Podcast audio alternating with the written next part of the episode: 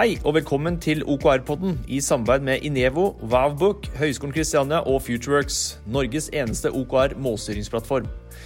OKR-podden er for deg som er nysgjerrig på OKR og ønsker å lære mer om mål og virksomhetsstyring. Vi eh, vil diskutere alle aspekter og utfordringer knyttet til OKR, og du vil få en god blanding av diskusjoner, intervjuer med folk som har praktisk erfaring med OKR. Abonner på OKR-podden i Apple Podcast, Spotify eller der du hører på podkast. Og om du har spørsmål eller eh, andre tanker og refleksjoner, gå inn på OKR-podden og kommenter.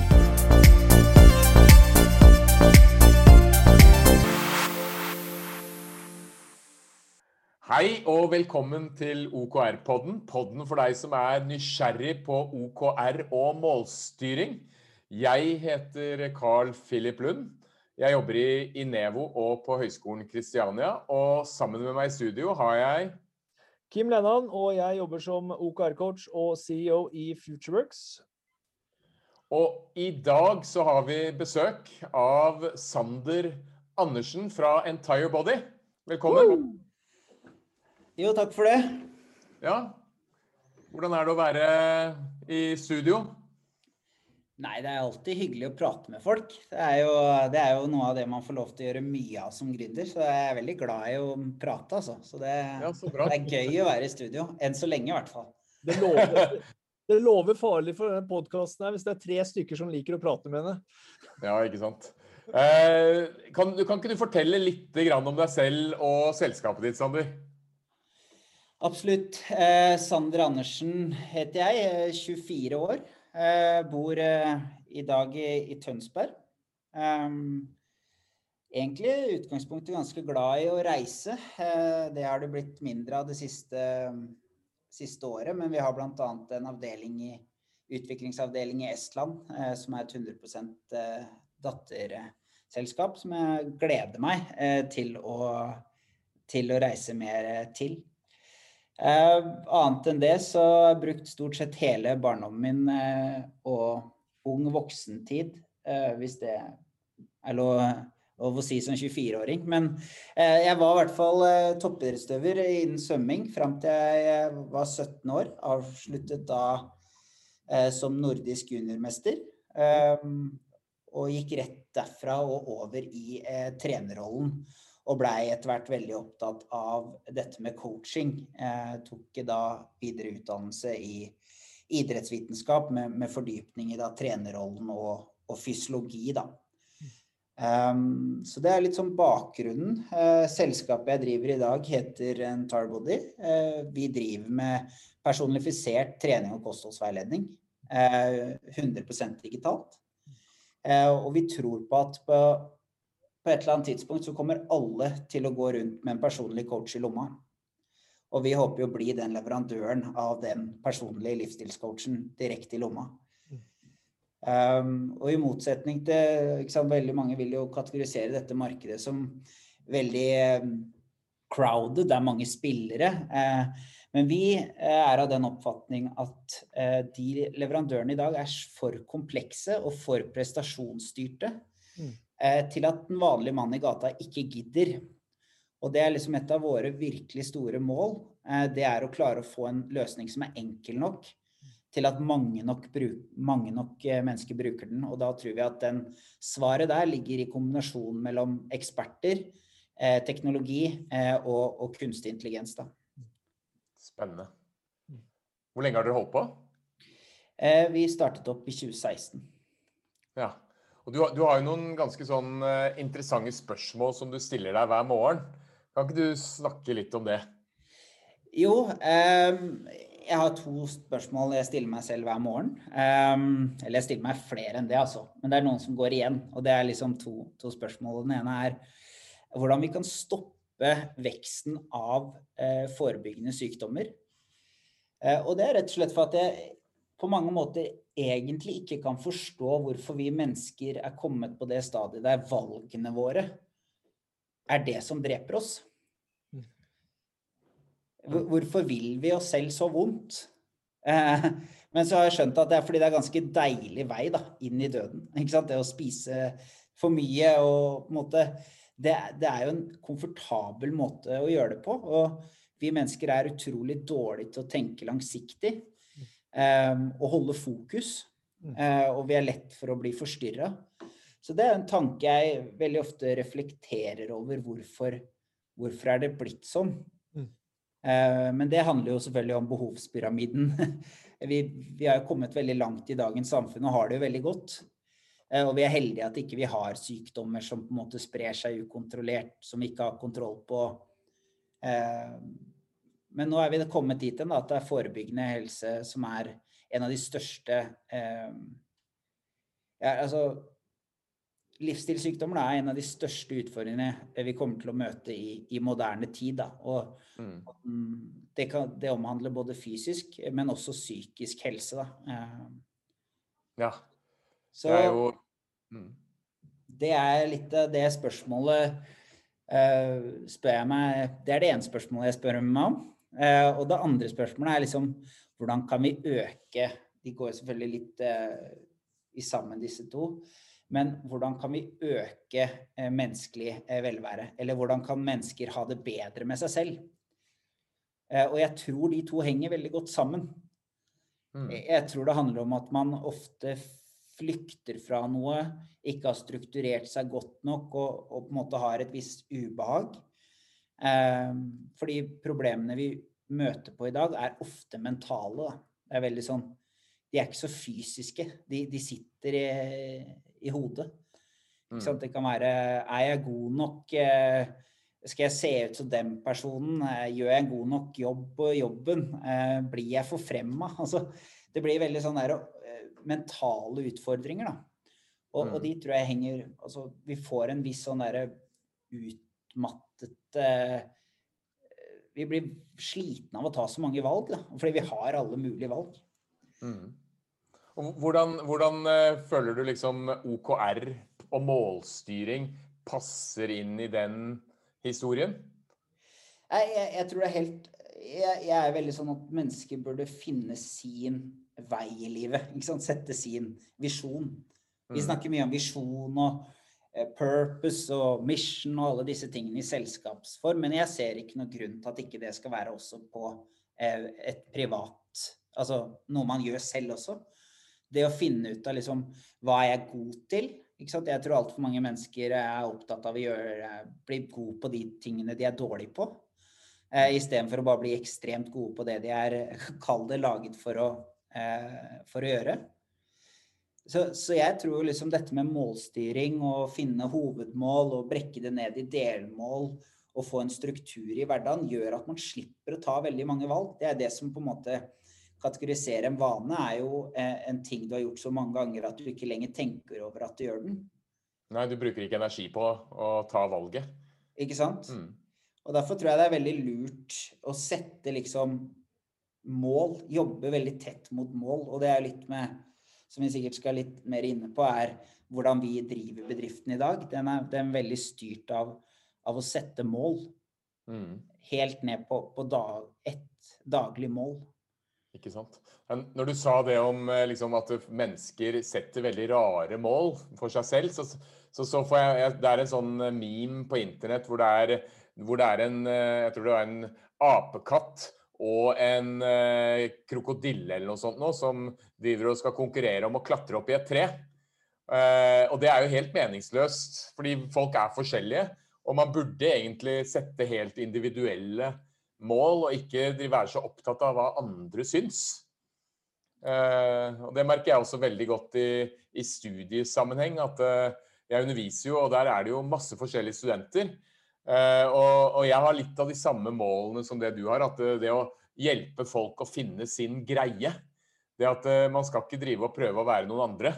Og det tror jeg er veldig relevant for dette med målstyring og personlige mål og dette med selskapsmål. At jeg tror folk trives bedre på jobb hvis de kan være seg sjæl, både på jobb og hjemme. At det skal ikke være sånn at du slår på jobbpersonen eh, når du er på jobb, og så drar du hjem, og så er du en helt annen person. Så, men hvordan er det dere jobber med strategi og det å sette mål og sikre gjennomføring? Jo, eh, vi, er jo etter hvert eh, eller egentlig alltid vært digitale. Vi har jo på en måte vært remote fra, fra dag én. Så vi, vært, eh, vi, er veldig vant til å jobbe med prosjektstyringsverktøy som, som Trello og ClickUp eller andre bruker Gira. Og, så vi jo, setter jo alt inn i prosesser, altså digitale prosesser først og fremst. Men i all hovedsak så starter jo vi med å være veldig tydelige på hva vår eh, visjon er. Hvor skal vi? Jeg, jeg, tror liksom at hvis man er veldig tydelig på hvor man skal, så vil eh, metodene og taktikken til det målet vil jo endre seg underveis. For du får eh, makroendringer i verden, du får lovendringer i AppStore, du, du får Ikke sant. Men først så er det å liksom sette retning, da. Hvor, hvor skal vi hen? Mm. Hvor skal dere? Nei, vi, vi, skal være en av de største aktørene eh, på internett innen forebyggende helse. Ja. Og det er dit vi skal. Vi skal, vi skal ha makropåvirkning på folkehelsa eh, globalt. Um, og det betyr at uh, vi, vi, starter i én nisje. Vi har startet med én-til-én eh, personlig trening og kostholdsveiledning. Men det er ikke dit vi ender hvis vi når visjonen vår. Nei. Da har vi lagd samme infrastruktur som det Facebook har gjort for internettkommunikasjon, skal vi ha gjort for forebyggende helse. Mm. Dvs. Si at vi må samarbeide med andre aktører. Vi, kan, vi må bygge åpne, dynamiske systemer. Eh, fordi at eh, mennesker i Norge skal ha like gode forutsetninger for å få god helse som de som er født i, i andre type, type mm. land. Og vi vet jo det at eh, økonomi er en av de største påvirkningene og årsakene til at folk har dårligere helse.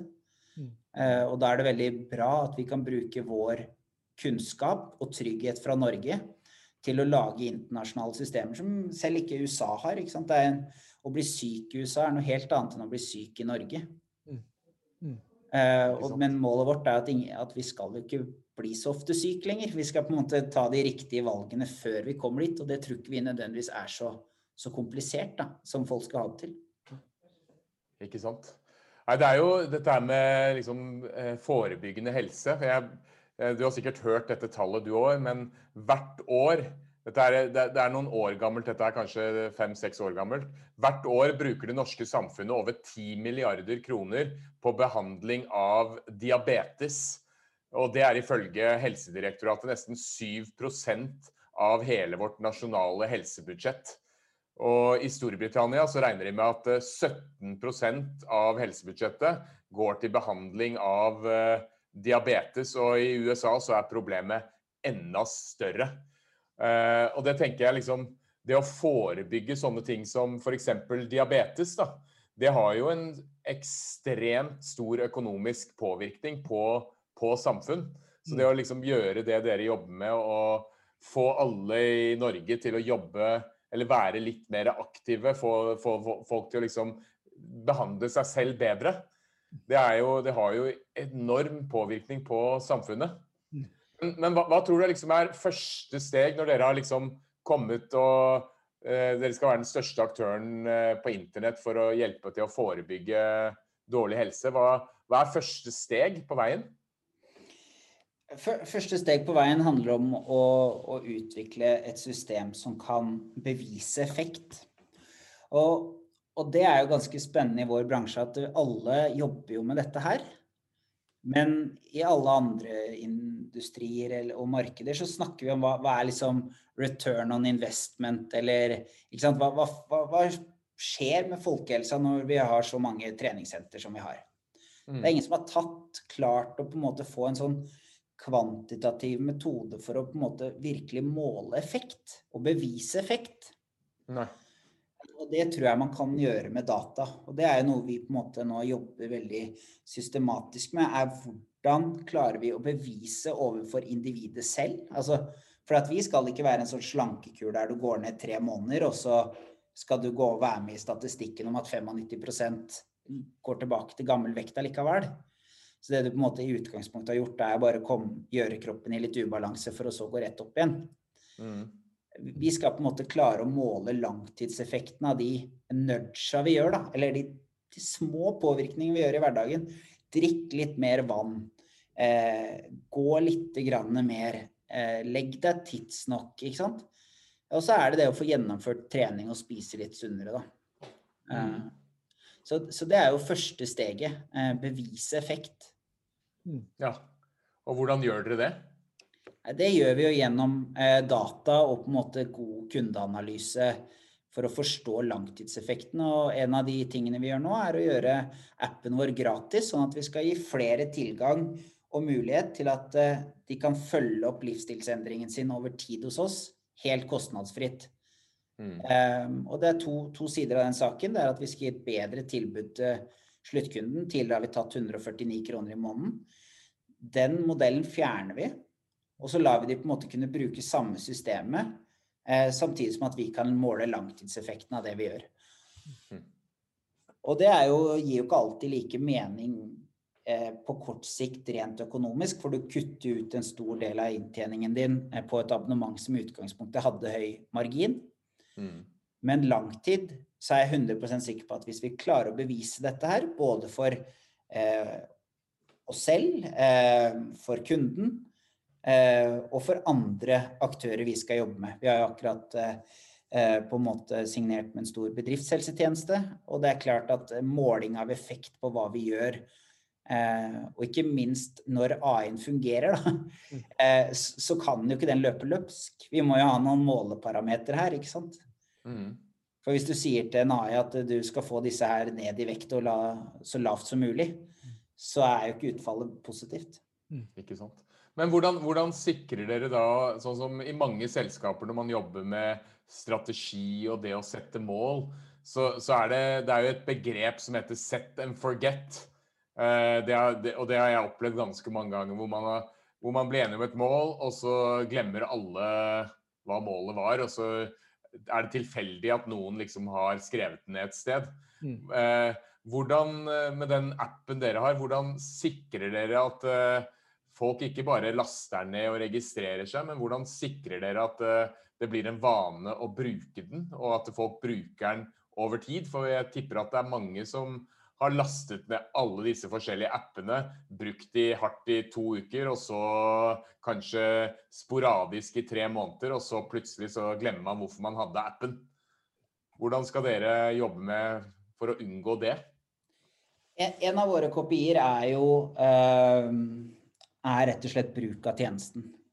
Ja. Eh, og, og, det er en av de viktigste kopiene våre også, at vi klarer å se hvor, hvor ofte eh, kunden er inne og, og, gir en ny oppdatering. Og vi mener at i dag så, så, er den beste måten å gjøre det på, er ved å ha en personlig coach. Vi mener at teknologien er ikke kommet langt nok til at eh, den kan motivere deg til å være selvgående helt 100% selv.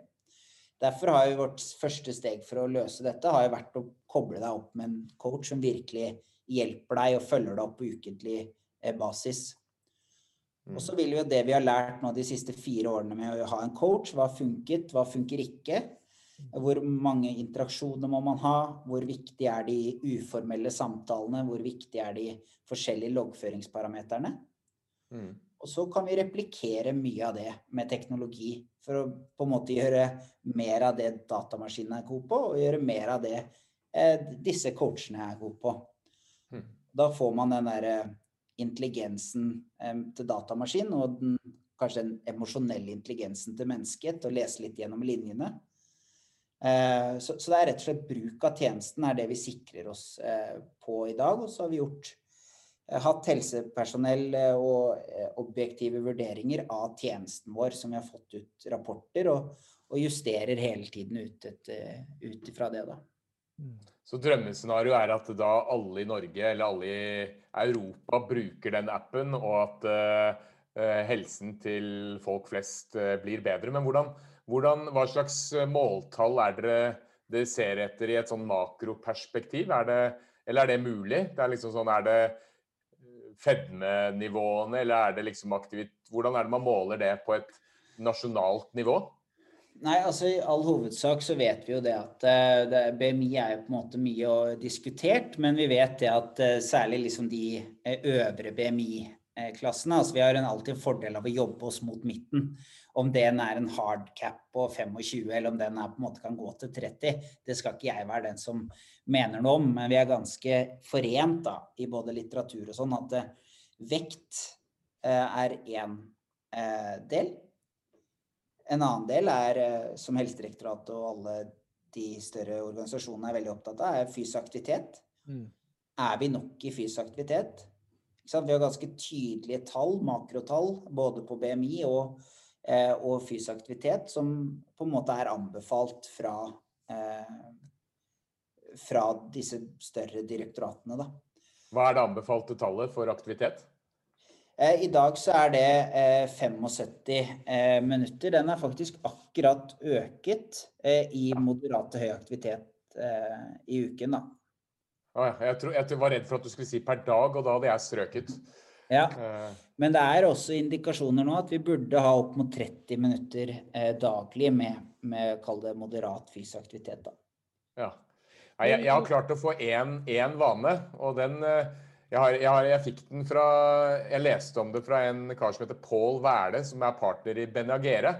Og han, han skrev om det på LinkedIn-profilen sin at uh, hvis, hvis, man klarer å stå når man tar av og på seg sokkene hver dag, så, så, kan det gjøre at uh, da får man jo liksom øvd litt på balanse. Man får øvd litt på liksom, aktivitet, eller hvor mye man klarer å bøye seg. Og hvis man klarer å gjøre det hver dag hele livet, så, så vil det ha en ganske stor innvirkning på folk. Uh, og det er også en vane som sant, at du må ta på deg sokker hver dag. Og du må ta av deg sokker. Så da er du sikret to treningsøkter om dagen. Uh, og det, det, den føler jeg at jeg klarer å opprettholde, men jeg burde jo gjøre mye mer. Så, men det er et poeng der da, at eh, du, har, du klarer å skape en vane knytta til noe du må gjøre hver dag. Eh, og det tror jeg er veldig viktig når det gjelder det å, å, å skape vaner som man klarer å holde på. Mm. Så... Men, eh, men, eh, men, Sander, eh, kan ikke du Når du, du nevnte sånn innledningsvis at du jobbet, eller trente i toppidrett, svømming. Mm. Eh, og når, jeg regner med at der var du jo sikkert, sikkert, veldig målbevisst i forhold til hva du ønsket å få til. Eh, hva kan du dra, Er det noen korrelasjoner med hvordan du driver Entire Body nå, med hvordan du jobbet med deg selv i forhold til profesjonell svømmer? Ja, det er jo egentlig det. Og eh, Eirik, som jeg startet selskapet eh, sammen med, vi har kjent hverandre siden vi var eh, fem og seks år, og svømt med hverandre siden. Eh, og vi så jo det begge to av verdien av å ha en coach, både i liksom medgang og motgang. Liksom, det er utrolig avgjørende. Og vi, vi, fikk jo kanskje også oppleve hva som skjer når eh, coachen ikke nødvendigvis er like god lenger også. Mm. Eh, som hva det gjorde med gruppedynamikken, og hva det på en måte gjorde for oss som drev med individuell idrett. Men eh, allikevel så verdien av å på en måte samarbeide, da.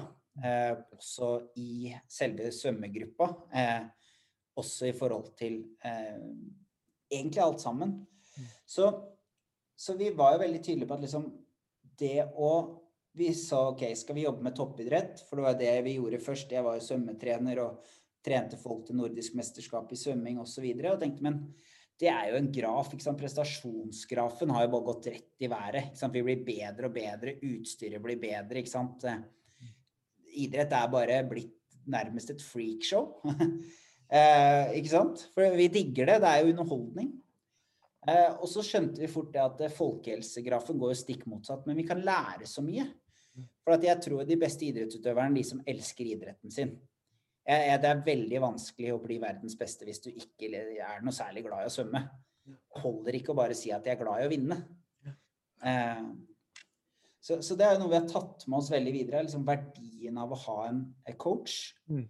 Den ønsket vi å ta over et helt nytt element som det ikke var like vanlig. Du har jo selvfølgelig hatt Peter og sånn, mm. men jeg mener vi har lang vei å gå før vi liksom begynner å etablere liksom mer helsearenaer. Mm. For ikke sant, idrett blir veldig fort prestasjon.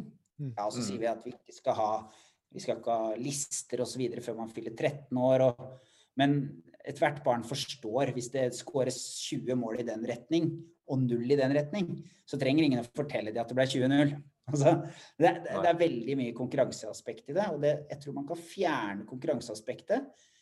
Bevare målstyringen og få et kjempeprodukt og ikke sant, et kjemperesultat hvis vi hadde likt å lære å trene. Mm. Likt å lære å være i bevegelse. Da hadde vi fått en helt annen, ikke sant.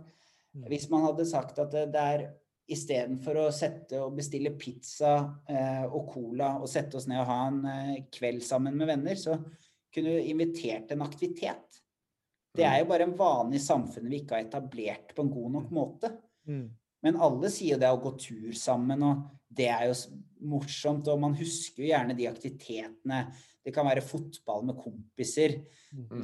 Når man er 25 år, så er det liksom ikke så opptatt av å vinne over tid. Da kan man mikse på laga, og hvis dette laget er bedre, da det er ikke så viktig å liksom måle alt sammen, da. eh, I form av vinn og tap. Kan du, kan du gi et eksempel på hvordan man kan gå fram for å fjerne konkurranseelementet samtidig som man bevarer målstyringselementet? Et I, i svømmesammenheng, da, eller i en hvilken som helst sammenheng? Jeg, jeg vil jo si det enkleste er jo liksom å, å gå opp et fjell. Der Ja. ty, målet er veldig tydelig definert. Ja. Men det er stort sett sjelden førstemann opp. Man stopper opp, man nyter naturen, man blir sliten. Noen blir mer sliten enn andre. Man stopper opp, man hjelper hverandre opp en stein. ikke sant? Dynamikken i gruppa er bare kjempebra, og man har forbrent kjempemasse kalorier når man har tatt den turen. ikke sant? For det tar gjerne mange timer. Mm. Hvis man skal være litt sånn fysiologisk her, da, så er det Ja, ja, Det er jo superinteressant, fordi et av de bildene som jeg har sett når det gjelder OKR, det er jo at uh, objektivet det er jo å komme seg opp, til fjellet, opp fjellet. Eh, og så har man noen key results som er milepæler eh, på veien. Hvordan, hva tenker du om Er det sånn du tenker også, eller? Ja, det er jo det. ikke sant? I en lengre tur så vil man kanskje også stoppe opp og, og spise en lunsj. Man skal si liksom at eh, når vi har gått, godt over halvveis, så setter vi oss ned og, og tar en lunsj. ikke sant? Da er det et delmål. Og så kan jo turen her bli mye lenger, da. ikke sant? Da har man flere delmål på veien. Ikke sant? Eh. Men hvordan, hvordan, hvordan vil du si at uh, i den historien der, da, med å gå opp til et fjell og ha noen delmål, hva, hva gjør en god coach underveis der? Og hva gjør en dårlig coach? Ref svømmeeksempelet ditt. Altså En dårlig coach vil jo på en måte si at jeg er i sånn super, jeg er best form her, så jeg bare løper, og så snakkes vi på toppen. Ja. Ikke sant? Ja, det er, Eh, ja. en, en veldig god coach vil jo på en måte kjenne gruppa si veldig godt og vite hvem som er sterke sosialt, som kanskje og er sprek og godt humør, burde kanskje putte den bakerst for at den kan motivere de som er minst interessert i å gå den turen. Men allikevel passe på at tempoet er høyt nok til at man kommer frem i tide. Eh, og klare å på en måte gi arbeidsoppgaver knyttet til personlighet da, i, i, i gruppa. Man sier jo det også i fotball at man har plass til én sånn superstjerne som ikke trenger å følge eh, reglene. Ja. Men da skal alle være forent med at han er så god, og i den grad han ikke er så god lenger, så får han ikke lov. Da må han følge reglene igjen. Så jeg tror liksom det å, en god coach fordeler arbeidsoppgaver både fysisk og psykisk. Det har noe med i svømming, så har vi stafett, ikke sant. Mm. Da er det ofte det å få en god start på den stafetten. Da må du ha noen av de som er liksom mentalt robuste, Mm. som du veit presterer. Mm. Og så må du kanskje ha de som er litt mer liksom eh, hypa, kan fort få litt sånn eh, negative vibes og bli litt nervøs. Han må du sende til slutt. For da veit du han bare svømmer for livet, han. For han, han vil ikke skuffe laget når de har satt den i en god posisjon. Så det er en god coach, men en eh, Så det er litt sånn det å spille på de ressursene man har i gruppa, og putte riktig person til riktig oppgave. Men, men er det coachens oppgave å, å putte riktig person på riktig oppgave, eller, eller er coachens oppgave å, å lede folk til å ta de beslutningene selv? Så skjønner du hva jeg mener? Er det coachen som skal bestemme, eller er det coachen som skal eh, veilede, eller eh, jeg vet ikke helt hvordan man skal si det. Fordi jeg ser på som en coach, det er jo en, en toppidrettsutøver skal ikke nødvendigvis måtte bli fortalt hva de skal gjøre. Eller, men det kan hende at jeg misforstår. Nei, og, og altså i store Du må jo på en måte Som god coach så må du definere noen rammer. Jeg, jeg tror Ja. jo veldig lite på at eh, Altså, med frihet så følger ansvar, og det må man alltid se i hvilken gruppe man har med å gjøre. Mm. Men jeg tror jo veldig ofte at en god coach også putter mennesker inn i en situasjon som de kan mestre. og så Ja. gir de frihet innenfor rammene sine. Ikke sant? Eh, Men jeg tror liksom ikke man kan ha et selskap der eh, kundeservice skal mene noe om backend-systemet fordi de leste en artikkel eh, i helgen. Ikke sant? Så jeg tror du må ha noen rammer her, da. Og jeg tror eh, det er viktig som coach eller leder og på en måte tidlig identifisere styrker og svakheter, så man kan få den gruppedynamikken til å funke best mulig også. Ikke sant? Det, Så ikke Nei, synes- bestemme, men veilede på litt mer sånn rammebasert eh, enn regelbasert, da. Ikke sant? Det er jo eh, innenfor eh, Hvis du tenker app-bransjen og innenfor tech-bransjen, så er det jo en, en, en veldig kjent coach. Eh, jeg vet ikke om du har hørt om han. Eh, det er, en coach som var coach for eh, både Steve Jobs, for eh, Google-gründerne, for eh, en hel haug med sånne tech-startups. Eh, har du hørt om han? Ja, eh, det har jeg. Det er Kim eh, Nei, Bill Campbell, er det ikke det? Jo. Stemmer. Uh, The Trillion Dollar Coach, er det ikke det den Ja. boken heter? Jo. Og det er jo en sånn fascinerende fortelling om ikke sant? Han var jo en middels god eh, coach på et amerikansk fotballag på et college. Mm. Eh, og, og han hadde Han var jo ikke noe Han, han oppnådde aldri suksess på, i idrettsverden. Men så flytta han til eh, San Francisco eller Silicon Valley og, og, og endret eh, egentlig bransje. Så han gikk fra toppidrett eller idrett til, til business. Mm. Og, og det han så da, var at eh, mye av de tingene som sant, det, det å bry seg for mye om mennesker i en idrettsverden i, på et lagnivå han, han hadde jo ikke hjerte til å, å si at du er ikke god nok. Han var alltid opptatt av at eh, eh, du skal gjøre ditt beste og du skal spille for laget og alt sånn, men i en idrettsverden så tror jeg man må, i hvert fall hvis man driver lagidrett, så må man kunne ta en del tøffe beslutninger uten Mm. å bry seg altfor mye om menneskene, fordi du må jo ha det beste laget. Mens i, i forretnings- og næringslivet så er det jo da er det jo kanskje viktigere å bry seg om menneskene, jeg vet ikke. Men det, det funket i hvert fall veldig godt i tech-verden, men ikke så godt eh, på idrettsarenaen. Og det syns jeg er ganske interessant. Så Eh, Og min teori på det er jo at eh, i idrett så er det veldig definerte regler og rammer. Det vil si Ja. at du kan egentlig ikke du, du blir veldig sjelden belønnet på å være utradisjonell. Da. Veldig utradisjonell. Altså du kan spille forskjellige formasjoner eller du kan være sinnssykt god i siste halvdelen av løpet, men det er fortsatt ganske definert hva man skal gjøre. I tech-verdenen er det ikke det. Altså det handler i mye større grad om å jobbe med den kreative evnen til å se løsninger og gjøre raske eh, retningsendringer. Da. ja. Så, og da handler det i stor grad om at individet må ha trygghet, og ikke tøffhet. Ikke sant? Psykologisk trygghet og team, det er jo ganske velkjent at de teamene som har høy grad av psykologisk trygghet, de leverer også best resultater.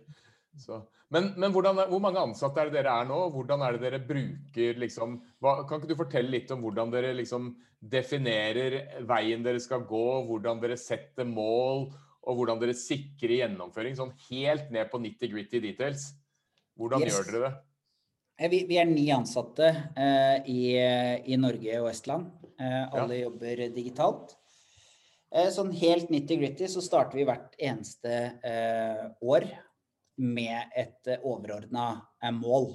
Gjerne da eh, relatert til noe som er prestasjonsrettet, fordi vi, vi er jo venturefundet og, og trenger å levere resultater for å på en måte få de tingene til som vi ønsker, da. Så da blir det å legge et budsjett som vi deler inn i, i fire kvartaler. Og hvert kvartal er jo da tydelig kommunisert der vi tidlig i kvartalet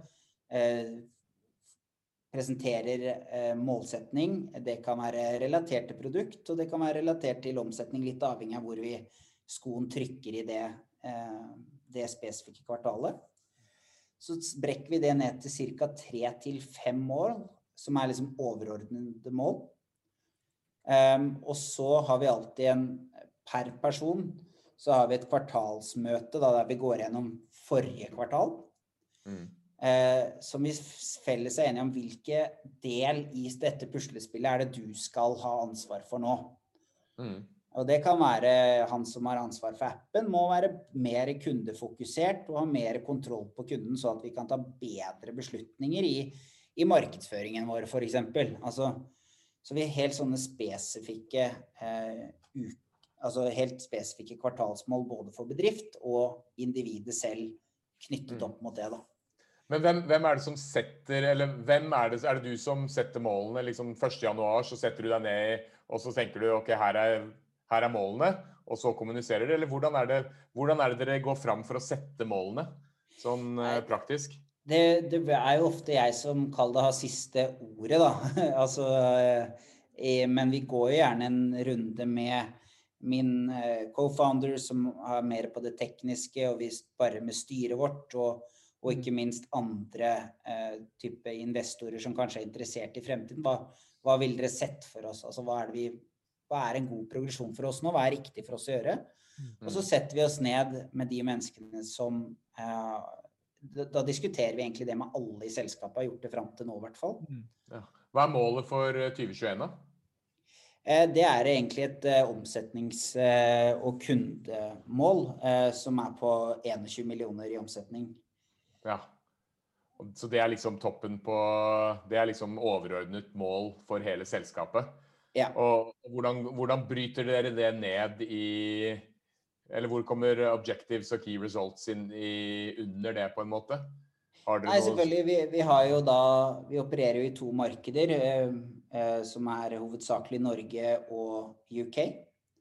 Eh, og så brekker vi ned ikke sant, hvordan er den prosentvis økningen i de forskjellige markedene vi er, og hva skal til for å nå det. da. For oss kan det være eh, markedsføringsstrategier i form av hva er det vi skal samle av type informasjon. Eh, som f.eks. ønsker vi en mer Instagram-strategi, eller er det e-post e-poster vi skal samle nå? Hvordan ser den funneren ut?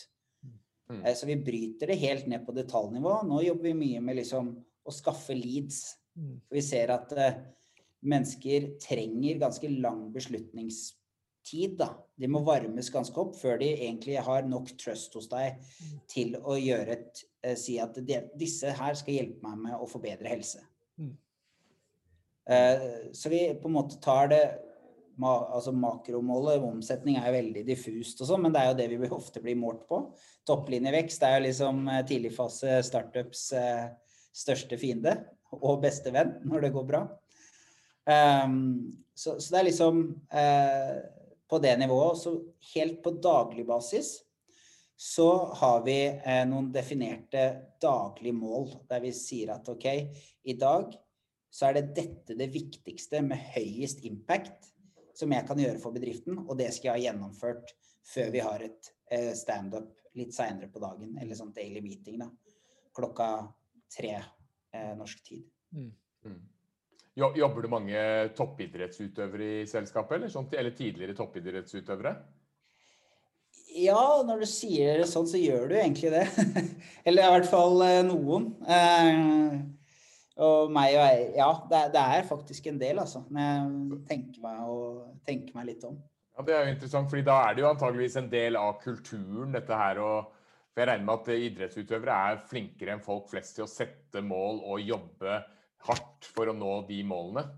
Mm. Eh, så det er jo absolutt interessant. Men hvor, hvor, hvordan er det Det er jo en sånn der greie at noen steder så er det toppstyrt, andre steder så er det mer sånn eh, bottoms up. At, eh, hvordan er det hos dere? Hvor mye, hvor mye, prosentandel av målene settes fra toppen versus hvor mye er det de ansatte eller medarbeiderne setter på egen hånd?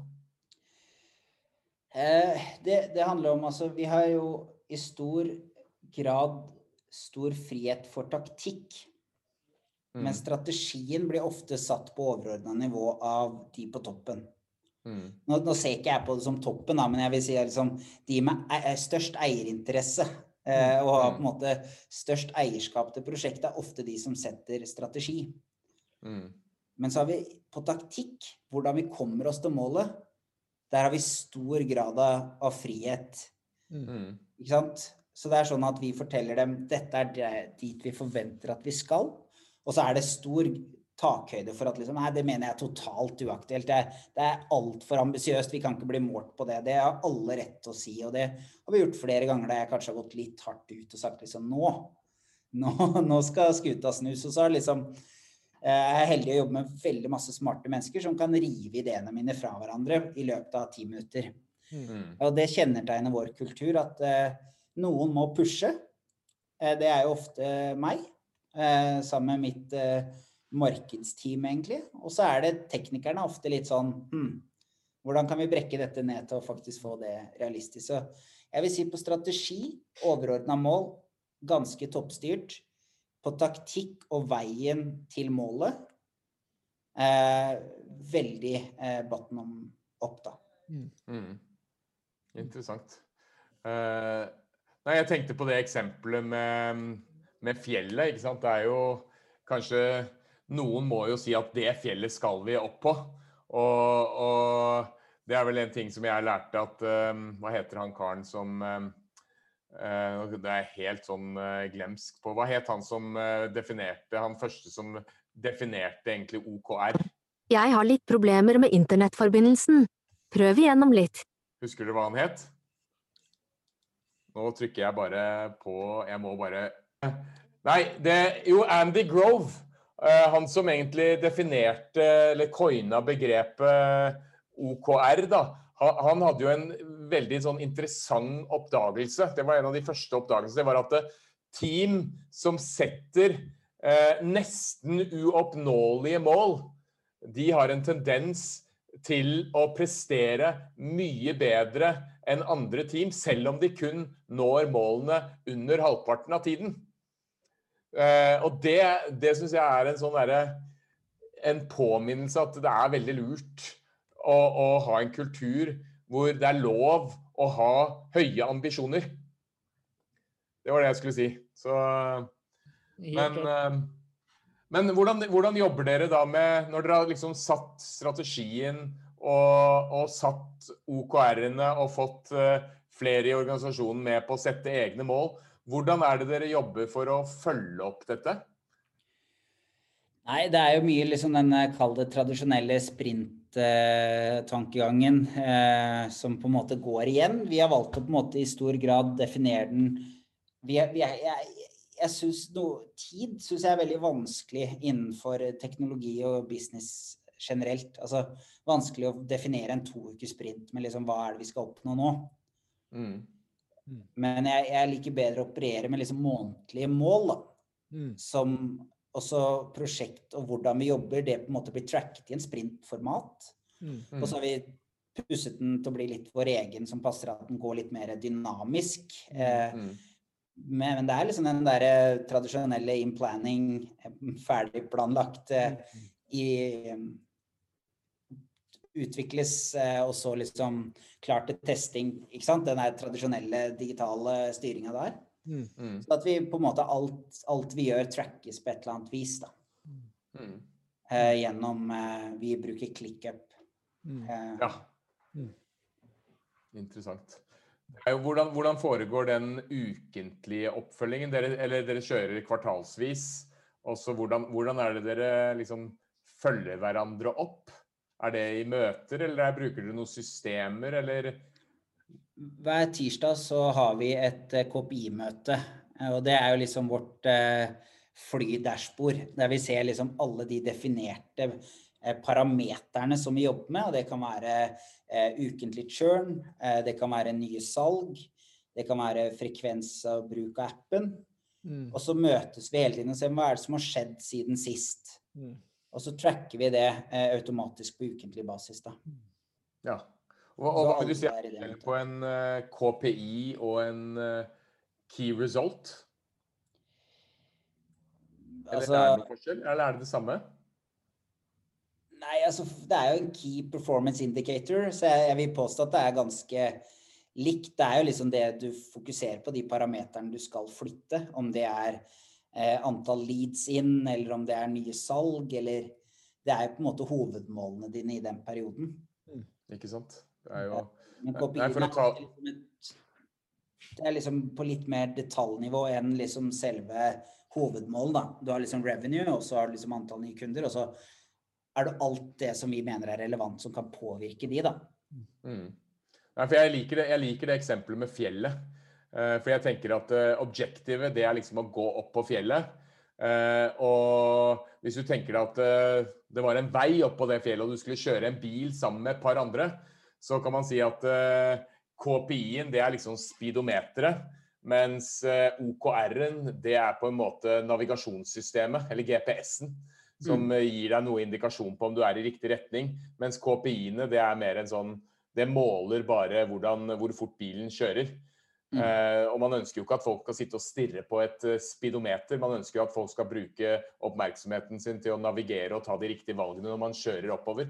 Så, så den beste forklaringen jeg har hørt på liksom forskjellen på KPI og key result, da, det er at uh, en key result det er en KPI med ambisjoner. Uh, at uh, KPI-en det er noe man liksom bare måler, mens key resulten er noe man sikter mot eller har en ambisjon om å nå. Ja, eh, det, er jeg for så vidt enig i den definisjonen der, altså. Mm. Selv om jeg tror i veldig mange organisasjoner så går disse her litt sånn man må tilpasse det som på en måte ja. passer best i, i, i, den spesifikke bedriften, tror jeg, da. Ikke sant. Hvor lenge har dere kjørt eh, OKR hos dere? Ja, altså igjen da, så har jo vi på en måte en litt sånn mer vi, vi, har jo på en måte knadd den litt, da, kan du si. Ja. Men, men, vi har vært målstyrte fra dagen. Eh, og vi bootstrappet jo selskapet de første to årene. Ja. Eh, og da var det jo Da er det jo i hvert fall målstyring. eh, men det er liksom sånn Har, har du penger til neste måned-målstyring? det er hva, hva, slags utfordringer møter dere på sånn underveis i prosessen? Både med bedriften, men også med hvordan dere styrer eh, bedriften? Nei, altså det å ansette nye mennesker og få de produktive raskt, det er jo selvfølgelig en stor utfordring når man skalerer selskapet. Ehm, så det er jo kanskje Men ja, problemer har man jo hele tiden. Altså, Ikke sant? Det er sånn du må like å, å ha det litt tøft, tror jeg, da, som gründer. Du, du må like ja. problemer. Ikke sant? altså, for du får jo disse problemene hele tiden. Um, Ikke sant? Så ja, nei, jeg tror denne må vi ha en time til hvis jeg skal legge ut om alle problemene vi har. Ikke sant, det er jo. Eh, en ting som jeg har lyst til å spørre deg om, er liksom hvis, hvis du spoler tre år frem i tid, og, og, dere har gjort absolutt alt riktig, og dere har fått masse breaks med ting som har vært tilfeldigheter, som har gjort eh, at dere har kommet dit dere har drømt om å komme.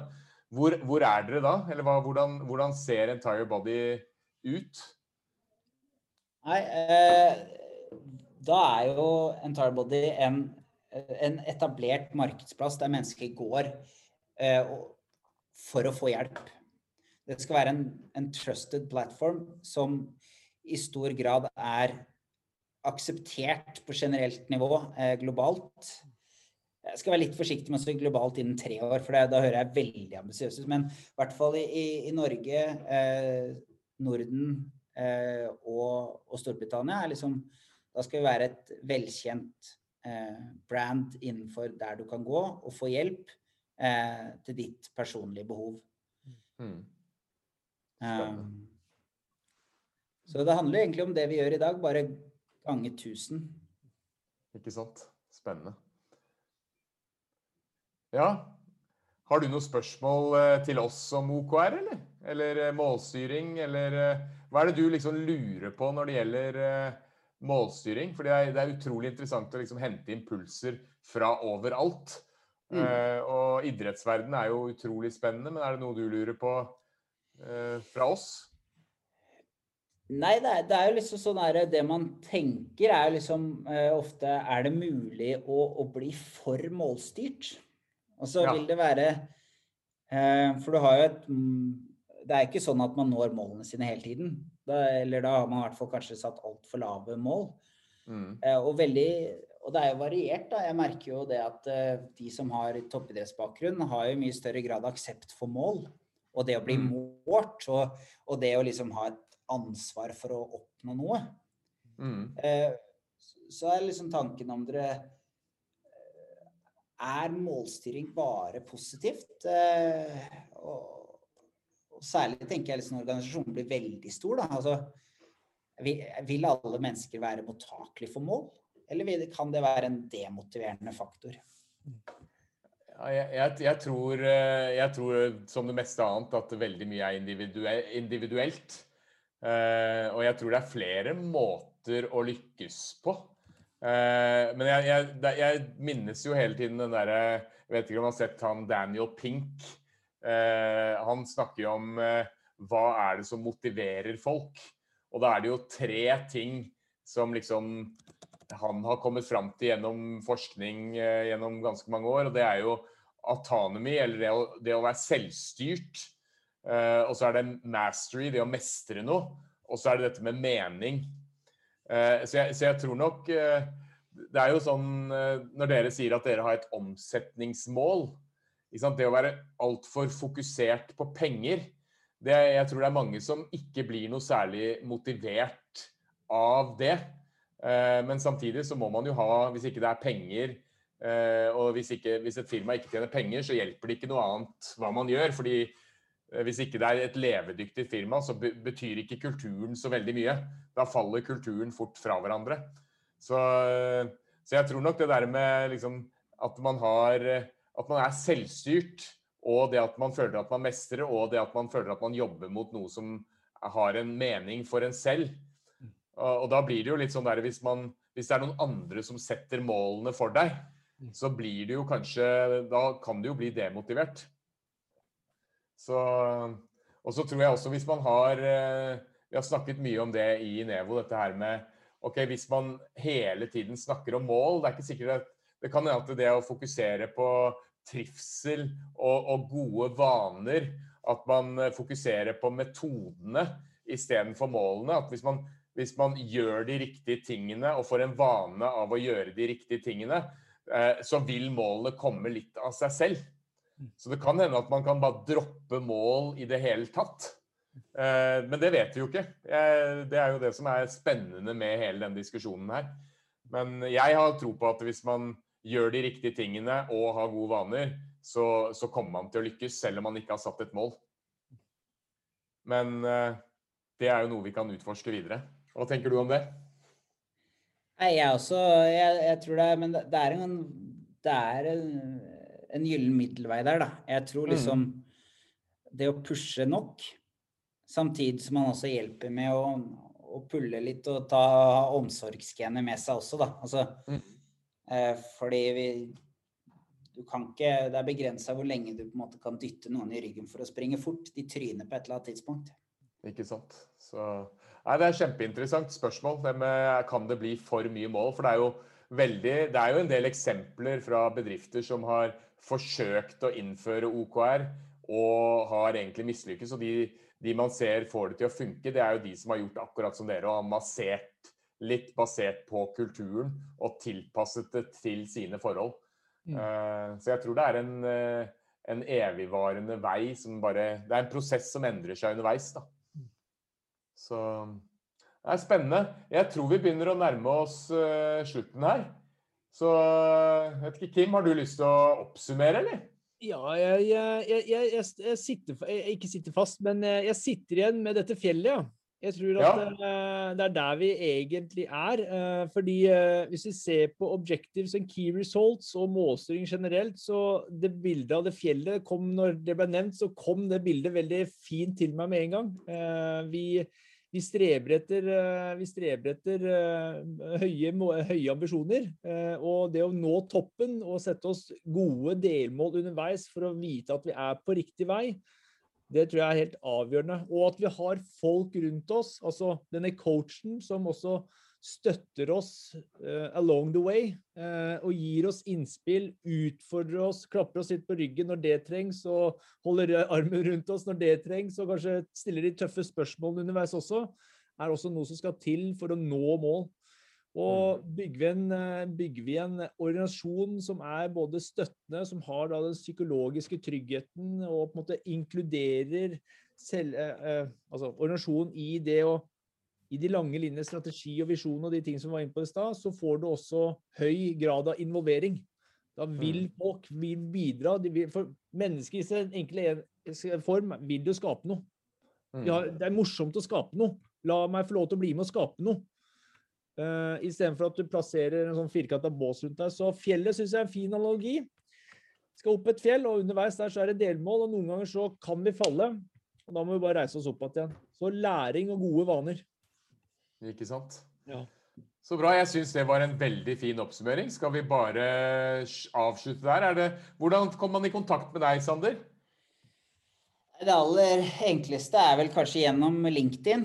Eh, det er vel et av de sosiale mediene jeg prioriterer. Eller så er det å sjekke, sjekke oss ut på entirebody.com eh, og ta kontakt eh, gjennom der. Eller så har jeg jo e-post, da. Men den er lettest å skaffe gjennom, gjennom LinkedIn. Ja, veldig bra. Tusen takk for at du stilte. Det var superinteressant. Så, takk for at jeg fikk komme.